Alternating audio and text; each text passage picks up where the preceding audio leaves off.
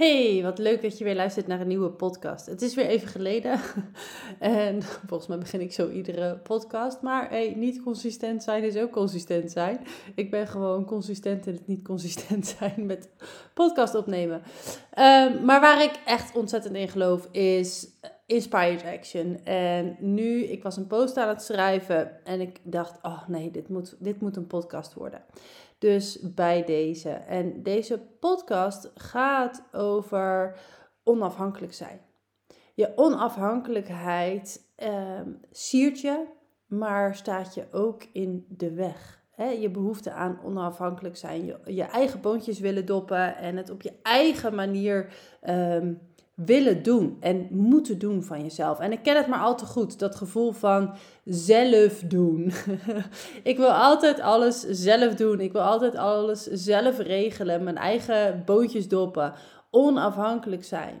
Maar tegelijkertijd ben ik ook afhankelijk as fuck. Ik ben ontzettend afhankelijk ehm, van de mensen om me heen, van mijn partner, van mijn gezin.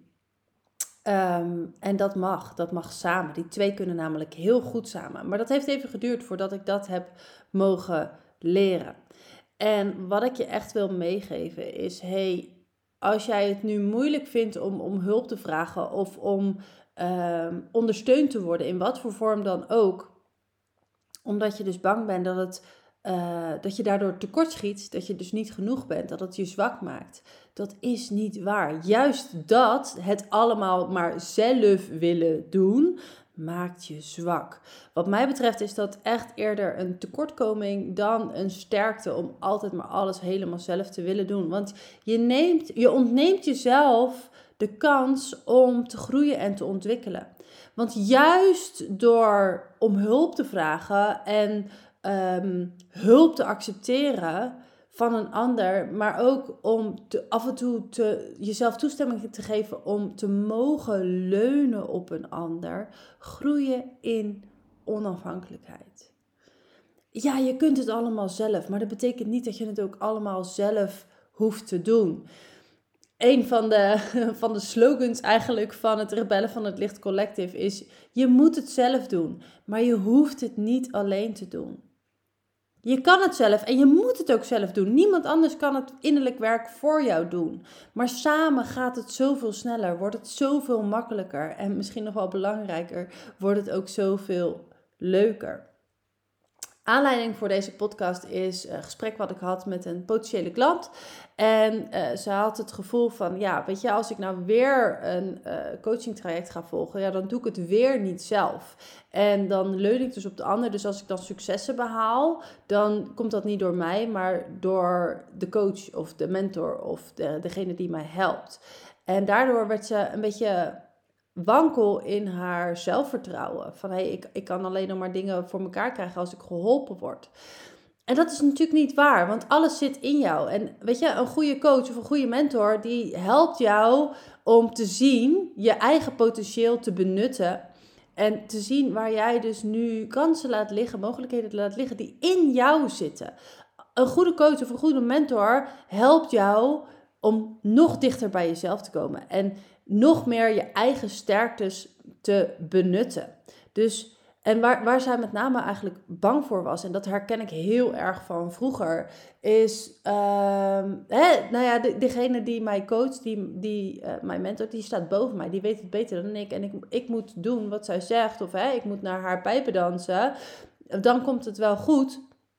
Maar dat voelt helemaal niet kloppend voor mij. Ik voel me daar helemaal niet oké bij. En dat is eigenlijk wat het hier om gaat. Je, je bent bang om jezelf te verliezen op het moment dat je in een relatie stapt. En een voorbeeld wat zij dus aan, aangaf, dat is dus een, um, een coachrelatie of een relatie met een mentor. Maar dat geldt eigenlijk in iedere relatie. En ik herken het heel, heel erg, want en dat, dat is iets wat nu naar boven kwam. Van als pubermeisje, ik was een jaar of 16, 17, had ik mijn eerste journal. En daar had ik met hele grote koeienletters Independent Woman opgeschreven. Want op mijn vijftiende al kwam ik in een serieuze relatie. Vanaf op mijn vijftiende had ik mijn eerste vriendje. En die relatie heeft maar liefst drie jaar geduurd. Maar in die relatie was het best wel lastig om mezelf te vinden ik denk eigenlijk sowieso op die leeftijd is het heel erg moeilijk om jezelf te vinden. Hè? Alles is wankel. Uh, je, je leert dat je dus uh, niet je ouders bent en dat je een eigen mening hebt en je eigen leven kunt vormgeven. En dat is allemaal hartstikke spannend en eng. En je weet helemaal niet, uh, je, je mist gewoon nog bepaalde kanalen in je hersenpan, waardoor je uh, dat is wat je natuurlijk in je puberteit doet. En als je dan dus al op zo'n jonge leeftijd in een serieuze relatie zit. En een relatie, um, nou ja, hè, die ook niet per se gezond was. Weet ik nu. Toen zag ik dat natuurlijk heel anders. Um, maar ja, in die relatie deed ik dus eigenlijk vooral wat me gevraagd werd en wat van me verwacht werd. Want dat was wat ik dacht dat hoort in een relatie. Weet je, je partner, uh, ja, die bepaalt. En, en jij volgt als, als vrouw, als partner. Uh, en waar ik dat beeld heb opgepikt, geen idee. Maar dat was wel hoe ik dacht dat het hoorde. Ik denk dat het ook wel te maken heeft met wat ik zelf heb gezien in mijn jeugd. Uh, mijn moeder uh, van mijn ouders zijn eigenlijk al op jonge leeftijd gescheiden. En wat ik mijn moeder vooral heb zien doen, is dat, weet je, op het moment dat zij een ander vriendje had, um, ging ze zich anders gedragen. Dus ik dacht dat dat hoorde. Weet je, je, je hoort je te schikken naar je partner, naar degene met wie je bent. Dus die, dat, dat was ook wat ik, wat ik deed. En, want ik dacht dat dat van mij verlangd werd, dat het van mij verwacht werd. Maar dat zat me eigenlijk helemaal niet lekker. Dat voelde voor mij helemaal niet comfortabel. En ik, ik dacht ook heel vaak in die relatie van ja, maar en ik dan? Ik dan? Wat, wat, what about me? Weet je, heb ik ook nog wel iets te zeggen hierin? En uh, ondanks dat het me dus niet lekker zat, deed ik het wel braaf. Ja, en dat ging dan over basale dingen als, als hij uit wilde naar een feest wilde. En hij had geen zin om met mij te gaan. Hij wilde met zijn vrienden. En dan bleef ik maar thuis. Later besefte ik dat dat helemaal niet om die vrienden ging, maar om de andere meiden die, die daar kon uh, ontmoeten als ik er niet bij was. Maar goed, dat terzijde. Um, en ja, maar ik heb wel zin om naar het feest te gaan, weet je wel. Maar ik gunde hem dan ook wel weer zijn moment met zijn vrienden. Uh, nou, dat is natuurlijk helemaal niet, niet gezond. Dus, maar dat durfde ik niet uit te spreken, want dat, ik dacht dat dat niet hoorde. Maar op een gegeven moment binnen die relatie had ik zoiets van, ja, fuck dit, weet je wel. Dit is echt gewoon niet hoe, hoe ik wil dat het gaat. Um, en dat is ook het moment dat ik die journal ben begonnen. Van hé, hey, ik wil gewoon, ja, ondanks dat ik in een relatie zit, want we hadden het ook wel echt wel heel erg leuk samen. We zijn niet voor niets drie jaar bij elkaar geweest op zo'n jonge leeftijd. Um, ik wil gewoon wel echt mezelf zijn en mijn eigen plan trekken. Ik ben, niet, ik ben niet afhankelijk van jouw goedkeuring. Ik ben niet afhankelijk naar hoe jouw pet staat of ik iets wel of niet mag, mag of kan doen. Dat, dat, nee, dat is, niet, dat is niet voor mij. Weet je, ik wil mijn eigen plan trekken. En um, nou ja, ik vind het leuk om dat samen te doen. Maar niet ten koste van, van mezelf. Ik, ik wilde mezelf zijn en niet naar andermans pijpen dansen dat past gewoon niet bij mij. Ik werd daar heel opstandig van. En dit is later in mijn leven meerdere keren teruggekomen, ook in relaties met vriendinnen. Dit is echt voor mij een levensthema. Dus echt uh, het bij jezelf blijven. Echt, je, echt jezelf zijn. En dat is niet alleen mijn levensthema, dat is ook wat ik over te brengen heb, wat ik de wereld te brengen heb. Hè? Ik, ik, ik ben hier om jou, andere mensen, te leren echt zichzelf te zijn. In wat voor relatie, in wat voor omstandigheden dan ook. En met name dus in, in je bedrijf, in je werkende leven. Van weet je, doe wat bij jou past. Doe wat voor jou klopt. En verdien daar je geld mee. Dat is echt voor jou de bedoeling. Maar goed, daar gaat het nu hier niet over. Um, ik werd daar dus een beetje opstandig van. En ik ben dus eigenlijk in eerste instantie binnen die relatie. Um, ja, gaan groeien, gaan ontwikkelen. En uh, voor mezelf op gaan komen. En ja, dat was heel confronterend op bepaalde momenten. Want hij had echt zoiets van, huh, wat ben jij nou aan het doen? Weet je wel, dat is, ja, je, zei altijd ja en amen. Van waar die grote mond? Maar goed, uiteindelijk, want hij durfde mij dus ook niet helemaal los te laten. En na een jaar, uh, ja, ja, drie jaar zijn we bij elkaar geweest. Dus ik denk na, na anderhalf, twee jaar of zo had ik zoiets van, ja, ik ben hier klaar mee. En eigenlijk waren de rollen toen omgedraaid. Dus waar ik hè, eerder in onze relatie dan nog wel eens, hè, dat hij zei van nou, ik ga bij je weg. En dat ik smekend aan zijn benen hing van nee, doe dat niet. Of weet ik veel. Weet je, het was echt een puberliefde. Het ging helemaal nergens over. Ehm, maar ik weet nog heel goed op het moment dat ik zoiets had van, nou, dit is gewoon echt niet meer gezond. Dit is, niet, dit is klaar, weet je wel. Dat ik ook zei van, ja, Steve, het is, het is, het is over. Ehm, dat hij letterlijk huilend op zijn knieën voor de deur bij mijn werk stond. Van eh, ik wil niet dat je gaat, ik wil niet dat je gaat. Uh, dus de rollen waren echt omgedraaid. En ik had nu de touwtjes in de handen binnen onze relatie. Maar goed, ik vond het wel genoeg geweest. Het was, uh, het was goed zo. Ik had hier echt geen zin meer in. Dit, ik groeide hier niet meer in. Maar die relatie is, hoe pijnlijk ook, wel echt een heel belangrijk onderdeel geweest van wie ik nu ben. Weet je, als ik dit allemaal met hem niet had meegemaakt, ik was dus heel duidelijk van, hé, hey, weet je, uh, ik, ik, ik laat niet met me zollen. Ik heb helemaal geen zin om naar andermans pijpen te dansen binnen een relatie. Ik, ik trek mijn eigen plan. En ik doe dat heel graag samen, maar niet ten koste van mijn eigen wil, zeg maar. En um, nou ja, ik had, heb daarna nog wat, wat losvast vriendjes gehad. Maar die probeerden me toch ook allemaal wel een beetje naar hun hand te zetten. En daar was ik gewoon klaar mee. Ik had daar helemaal geen zin in. Ja, ik, ik ben ik en jij ben jij. En we kunnen leuke dingen samen doen. Maar niet, uh, niet ten koste van. Um, ja, en als het dan binnen een relatie is de bedoeling, uh, binnen een relatie de bedoeling is uh, dat je gaat doen zoals het de ander blieft, ja, dan pas ik. Daar heb ik gewoon geen zin in wist ik veel dat er ook zoiets bestaat als een gelijkwaardige relatie. En nou, dit was eigenlijk een hele lange intro voor, um, ja, voor deze essentie, voor de clue. Van hé, hey, weet je, ik geloof gewoon dat het. Het maakt niet uit wat voor relatie. Of het een oude-kindrelatie is, of relatie met je werkgever, een relatie met je partner, een relatie met je coach of met je mentor. Een relatie hoort in alle gevallen gelijkwaardig te zijn. Je bent nooit minder dan de ander. Nou ja, en het feit dat Michiel en ik al meer dan 18 jaar bij elkaar zijn, uh, bewijst dat het echt bestaat. En uh, in eerste instantie, binnen de relatie met, die ik met Michiel had, was ik ook weer enigszins naar zijn uh, pijpen aan het dansen. Bijvoorbeeld, een stom voorbeeld, maar als ik kijk naar hoe ons interieur van ons eerste huis, ons eerste huis, we hebben het echt ons eerste huis een maand geleden verkocht, maar goed, hè, dat, dat, hoe we dat hadden ingericht toen we daar net gingen wonen, dat was echt zo niet ik. En ik heb daar vooral van, oh nou, hij vindt het mooi, dan zal het wel goed zijn. Ik, ik had daar nog weinig besef van wat ik eigenlijk mooi vond en wat ik uh, wilde. Uh, en na een aantal jaar, uh, we hadden nog geen kinderen, nee. had ik zoiets van, ja, weet je, ik ben toch weer een beetje aan, naar, naar de pijp aan het dansen. Ik heb hier helemaal geen zin in. maar ik vond het ook wel heel erg fijn samen, weet je wel. Dus ik heb eigenlijk besloten om binnen die relatie te veranderen. En dat is heel erg spannend, om binnen een relatie te veranderen. Want op het moment dat ik besluit om te veranderen, dan betekent dat automatisch dat onze relatie dus ook verandert.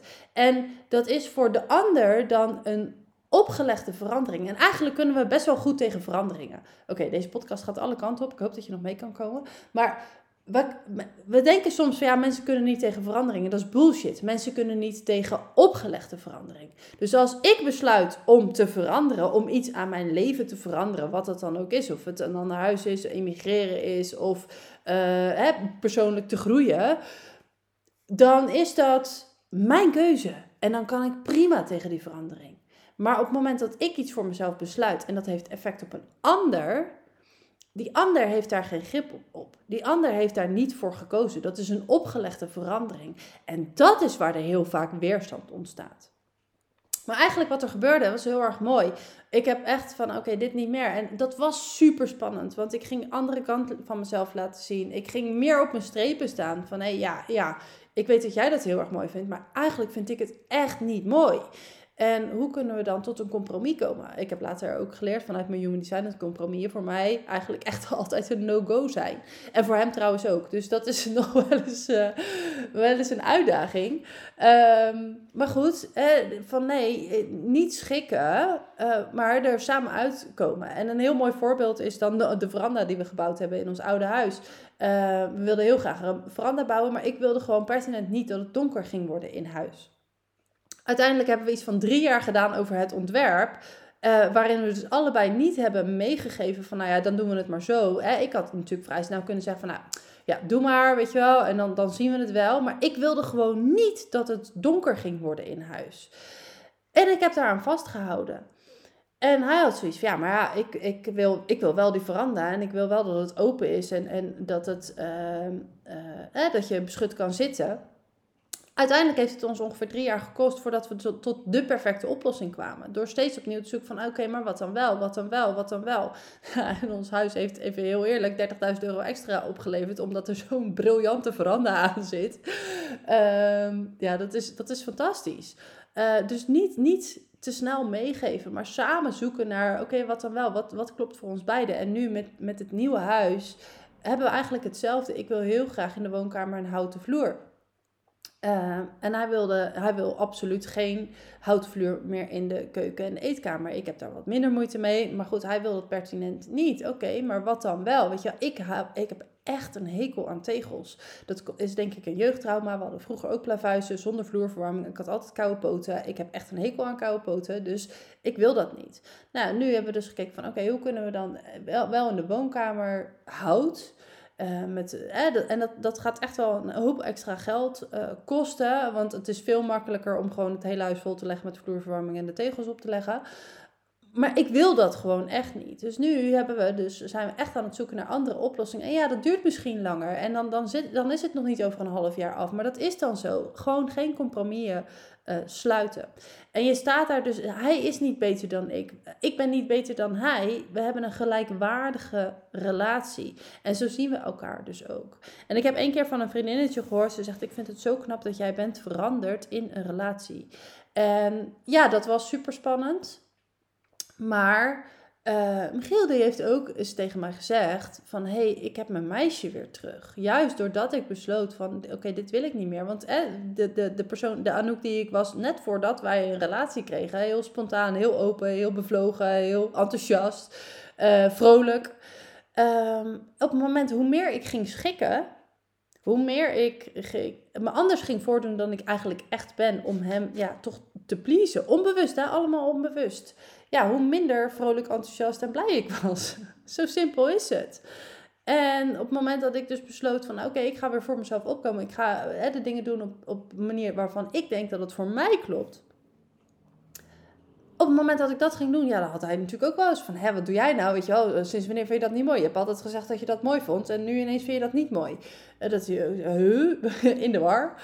Maar um, nou ja, hoe meer ik dus voor mezelf ging opkomen en weer ja, mijn eigen ding ging doen, hoe blijer, vrolijker en enthousiaster ik ook weer werd. Dus hij heeft dat echt gezegd van, nou, ik ben heel blij dat, dat, ja, dat, je, daar, dat je dat gedaan hebt. Tenminste niet zo van, het is niet een bewuste keuze geweest of zo. Dat is gewoon zo gegaan.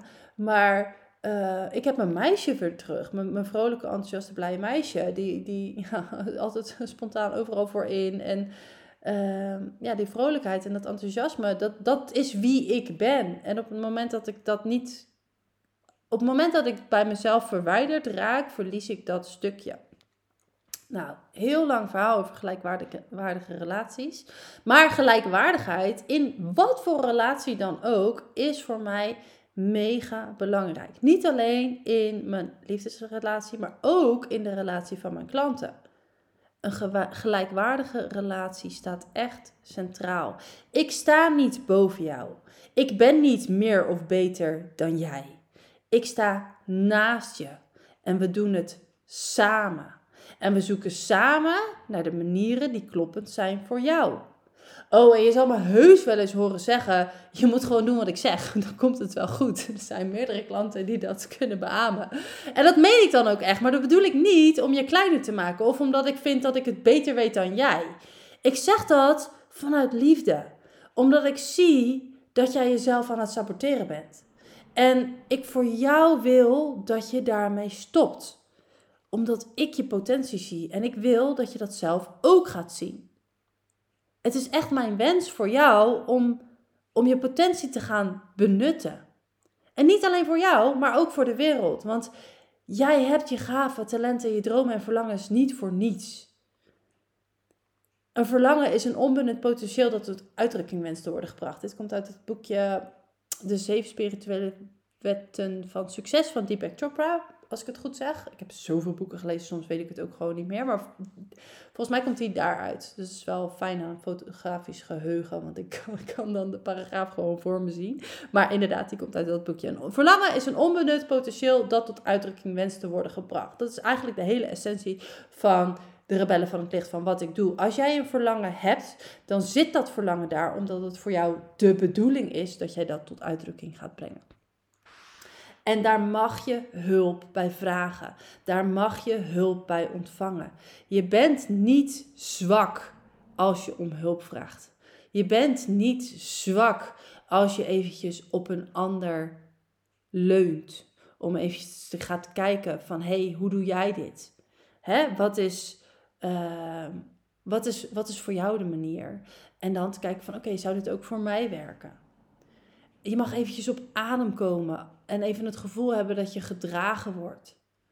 Dat is heel belangrijk in het hele ontwikkelingsproces. En dat maakt je niet zwak. Het maakt je juist alleen maar sterker. En waar ik ook heel erg aan moest denken de afgelopen dagen, toen ik hier hè, in mijn hoofd ook mee bezig was, is: uh, ik heb geen idee meer waar dat uitkomt, maar in ieder geval over leiderschap. Dat de beste leiders waren ooit de beste volgers. Als jij niet kunt volgen, kan je ook niet leiden. En leiden met een korte ei, dus als in leiderschap.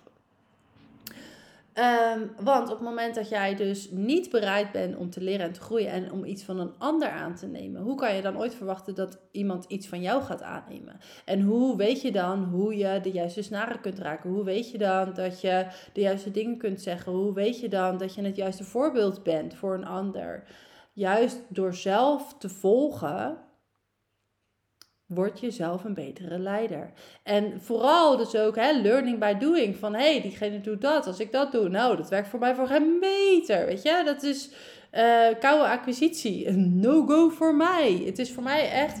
Ik moet het echt hebben van persoonlijk contact, persoonlijke verbinding. Als mensen mijn energie hebben gevoeld, dan zijn ze hooked. Weet je, dat is en dat is ook een van de redenen waarom ik echt heb besloten om het online stuk weer grotendeels los te laten en me echt te gaan focussen op live. Omdat ik live, als je met mij bent, mijn energie is besmettelijk. Mijn enthousiasme is besmettelijk. Mijn helderheid is besmettelijk. en dat is goed ding. Dat is iets goeds. Want op het moment dat jij dat, dan kan je van mij intappen op dat enthousiasme, op dat plezier, op die helderheid. En dan kan je het weer voelen voor jezelf. En van daaruit kan jij weer verder. En dat kan ik zoveel beter doen als ik dat live doe. En dat is dus, jij mag op mij leunen. Graag zelfs. Weet je, daar ben ik voor. Ik ben hier om jou te enthousiasmeren. Ik ben hier om ervoor te zorgen dat jij gaat doen wat je zo graag wil doen. Dat jij gehoor gaat geven aan je verlangens. Dat jij je eigen plan gaat trekken. En het is niet zwak of um, niet eigen als je eventjes mij gebruikt om op te leunen. Van oké, ik wil dit heel graag zelf doen, maar ik weet even niet hoe en hoe ik help. Weet je, ik, ik word het liefst ingezet op het moment dat jij het even zelf niet ziet. Want dan kan ik het maximaal, dan ben ik maximaal van waarde voor jou. Omdat ik je daar kan laten zien van, hé hey, kijk, weet je, hier ben je iets aan het doen wat niet klopt voor jou. Wat nou als je het zo doet? Praktisch voorbeeld. Een van mijn klanten, die was bezig met haar sales page, heeft een nieuw aanbod. Een heel tof aanbod. Is het beginaanbod. Um, maar zij was dus bezig met een salespage. Want ze had echt van, ja, ik moet een salespage hebben. Want als ik geen salespage heb, dan kan ik het niet verkopen. Hoe weten, weten mensen dan dat ik het, dat ik het aanbied? En dan, dan kan niemand het kopen. En ze was echt dagenlang bezig met die fucking salespage. En het kostte heel veel tijd, energie en vooral frustratie. En tot twee keer toe had ze dus de hele salespage met, met bloed, zweet en tranen af. En ze klikte op opslaan en de hele boel loopt vast en alles is weg. Twee keer toe. Nou, je kan je voorstellen hoe fucking frustrerend dat is. Dat je denkt, ja, laat ook maar. Ik heb hier ook geen zin meer in. En zij kwam dus bij mij, ze stuurde me een spraakbericht. Dat is ook de manier hoe ik het het liefst werk. Uh, een spraakbericht gewoon via WhatsApp. Van Anouk, eh, ik ben weer de hele dag bezig met sales bezig. En hij loopt weer vast. Ik ben zo klaar mee hey, maar wat nou als je dus die hele sales pages even loslaat? En gewoon een soort van flyertje gaat maken. Want ze vindt het super tof om dingen visueel te maken. Uh, ze houdt van vormgeven. Dat is iets wat ze erg leuk vindt. En ze kan ook echt wel gewoon goed schrijven. Ze kan de, de boel goed verpakken. Wat nou als je gewoon even een flyertje maakt uh, digitaal die je naar je potentiële klanten kan sturen. Hoe voelt dat? Nou, nog geen 24 uur later had ik een perfect gelikte, uh, heel pakkende en fantastisch vormgegeven um, infographic in mijn inbox. Echt eentje waarvan je denkt, oh wauw, weet je, ik wil dit. niet alleen in woorden, maar ook de hele vibe erachter. Dat ik denk, ja, ah, wat fijn, wat tof. Nou ja, en op dat moment, met een linkje erbij dus naar de checkout, was allemaal zo gepiept. Echt, binnen 24 uur stond het. En ze had heel veel plezier en uh, uh, ja, gewoon plezier gehad met het maken. Het is gewoon echt vanuit flow ontstaan. Het, stond zo en nul weerstand. Dan klopt het voor jou. En eigenlijk wil ik je daar dat moment daarvoor al hebben. Hè? En daar, daar ben ik dan natuurlijk ook een beetje afhankelijk van de interactie. Nou voel ik ook wel heel veel, maar ja, goed, ik voel ook niet alles. Dit is een lange afstandsklant. Dus, nee, grapje. Maar in ieder geval, ik ben wel afhankelijk van jou. Ben jij bereid om, om, hulp te vragen? En op het moment dat jij even niet ziet van, oh, en ook, ik, wil, ik moet die, face, eh, die salespace maken, maar ik heb er gewoon geen zin in. Ik loop er steeds tegenaan. Ik heb de weerstand op. Van, hé, hey, laten we samen kijken. Wat dan wel? Wat, wat is kloppender voor jou? Waar ligt de minste weerstand? Dus dan hoef je niet eerst dat hele proces van op je bek gaan te doorlopen. Maar we kunnen aan de voorkant al zeggen van... hé, hey, maar wat nou als je het zo doet? Wat nou als je het zo doet? Past dit beter? Ja, ja, dit voelt veel lichter. Nou, doe dat dan. Ja, en dit is hoe ik werk. Gelijkwaardige relatie. Vraag en aanbod. Gewoon on demand. Op het moment dat jij me nodig hebt, ben ik er voor jou. Nou, dit was helemaal niet de bedoeling, maar eigenlijk is dit een pitch voor het 1 op 1 programma. Het partnership, het Rebellen van het Licht Partnership, is een 1 op 1 programma om ervoor te gaan zorgen dat jij gaat doen wat voor jou de bedoeling is. Dus dat je echt, echt werk gaat maken van dat, dat idee, dat project wat jij in je hoofd hebt zitten, waar je zo graag mee aan de slag wil, maar waar je dus iedere keer op weerstand stuit. En zelf niet door die weerstand heen komt. Een ander voorbeeld is, ik kom net bij, bij, uh, bij hem vandaan. Uh, andere klant die wil een online programma opzetten. waarmee die passief inkomen kan, semi-passief inkomen kan genereren. Um, en we zijn, we zijn eigenlijk al bijna een jaar bezig met dit project op poot te zetten. Hij heeft het idee zelf al jaren. Afgelopen jaar, volgens mij zijn we vorig jaar augustus begonnen. Um, om dit echt in de wereld te gaan zetten. Maar waar hij iedere keer tegenaan loopt, is tijdgebrek. En nu ook weer, hij is bijna klaar. 90%, alle, bijna alles staat al. Hij hoeft alleen nog maar de video's op te nemen. Maar iedere keer als hij dus de video's op wil gaan nemen, komt er iets tussen. Wordt hij gesaborteerd. Ge gebeurtenissen van buitenaf, buiten zijn macht. Het is echt geen onwil, maar het lukt gewoon niet. Dus vandaag hebben we ook gekeken van, hé, hey, maar waar kan jij de gewenste uitkomst nog niet dragen. Dus op het moment dat jij dit programma hebt lopen, waar denk jij nu nog dat je het niet waar kunt maken? En dat zit hem voor hem vooral in tijd. Soms is het uh, op geldgebied. Dat je denkt, ja, dit gaat zoveel geld opleveren, maar ik weet helemaal niet hoe ik met dat geld moet omgaan. Dus ga je jezelf dus onbewust saboteren. En dan komen er dus allerlei dingen op je pad waar je niks aan kunt doen, die het in de weg staan. Maar in zijn geval is het vooral qua tijd. Weet je, hij heeft een, een, goed lopende uh, uh, gym, sportschool. Ehm, hij heeft best wel veel trainers in dienst. Maar ja, die trainers zijn ook wel eens ziek. En zeker op het moment dat hij dus net op record wil drukken, dan belt er eentje van ja, ik lig met griep op bed, kan je even invallen? Want hij, hij draait dan zelf de lessen op het moment dat er iemand ziek is. daar kan je niks aan doen. Maar dat is voor hem wel precies het pijnpunt van ja, kak, weet je, iedere keer als ik eraan wil gaan zitten, dan komt er weer iets tussen. Hoe moet dat straks dan? Als dat programma loopt, dan kan ik niet meer zeggen, ja, uh, het, het lukt even niet. Dan moet ik er gewoon zijn, maar hoe dan? Dus we zijn vandaag vooral gaan kijken van, oké, hoe kan je jezelf nu al meer gaan vrijspelen qua tijd? Geld is het probleem niet, qua tijd.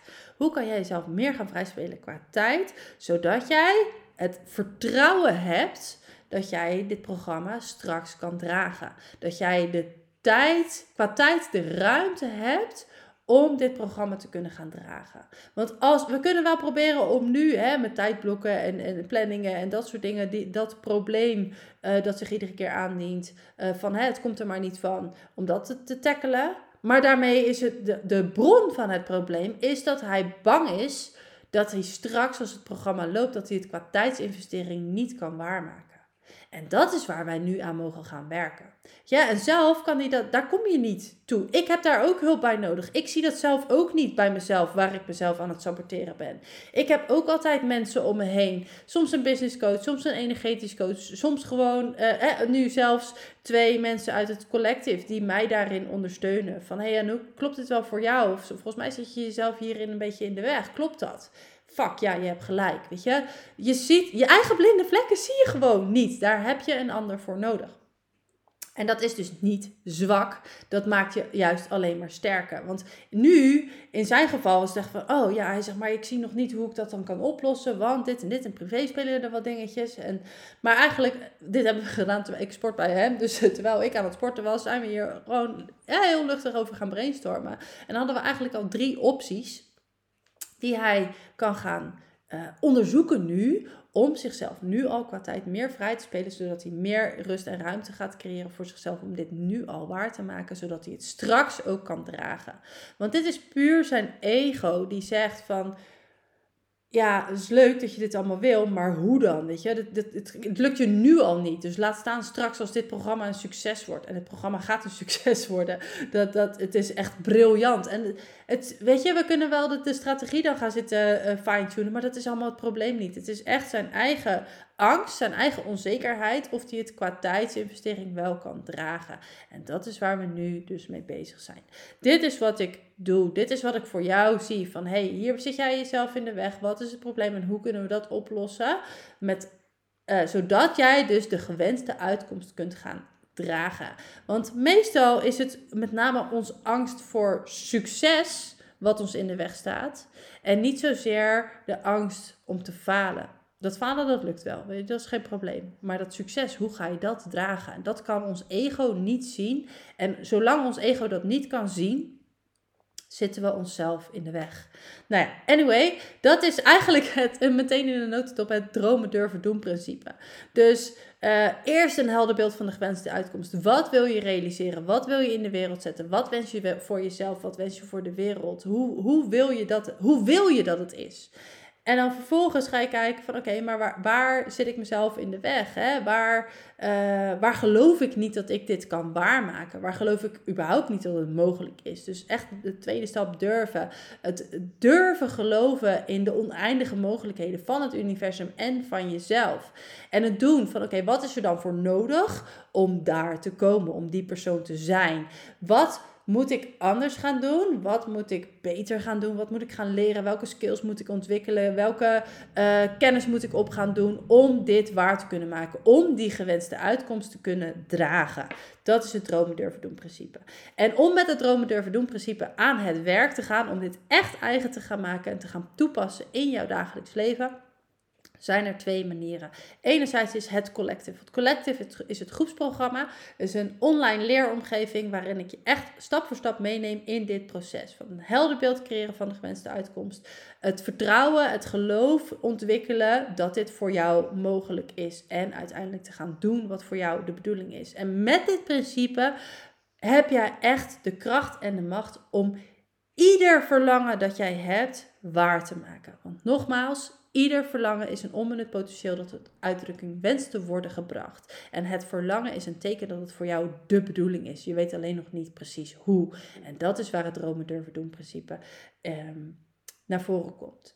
In het collectief hebben we twee wekelijkse uh, live groepsessies, live online groepsessies. Nog wel, want ik wil echt de shift gaan maken naar veel meer uh, live. Voor het collectief uh, komt dat later. groepsessies, we hebben een community. Dus eh, daarin zit alles wat jij nodig hebt om dit principe te leren kennen. En daarnaast heb ik dus het partnership. En het partnership sta ik echt aan je zijde. We doen het samen. Ik werk letterlijk mee aan jouw project. Ik sta naast je en ik zorg ervoor dat jij dus zelf gaat zien waar jij jezelf in de weg zit. En de juiste dingen gaat doen vanuit de juiste energie om te kunnen krijgen wat je wil. Om die gewenste uitkomst te kunnen dragen en waar te kunnen maken. We doen het samen. Nogmaals, je moet het zelf doen, maar je hoeft het niet alleen te doen. En samen wordt het zoveel leuker, gaat het zoveel makkelijker en gaat het ook zoveel sneller. Wil je meer weten over het Rebellen van het Licht Collective of over het partnership? Stuur me eventjes een mailtje, een berichtje, een DM'tje op Instagram, whatever. ik heb nu nog uh, een aantal plekjes voor het nieuwe jaar. In het nieuwe jaar gaat het nieuwe partnership weer beginnen.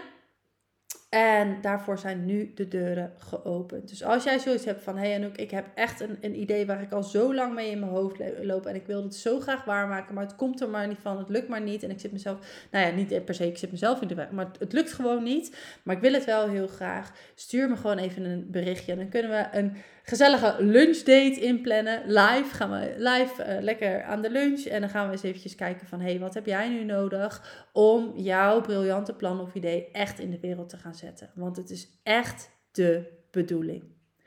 Dankjewel voor het luisteren naar deze uh, podcast die echt alle kanten op ging. Maar ik hoop dat je er wat uh, van opgestoken hebt. En dan hoor je mij ongetwijfeld heel snel weer. Mwah, dankjewel.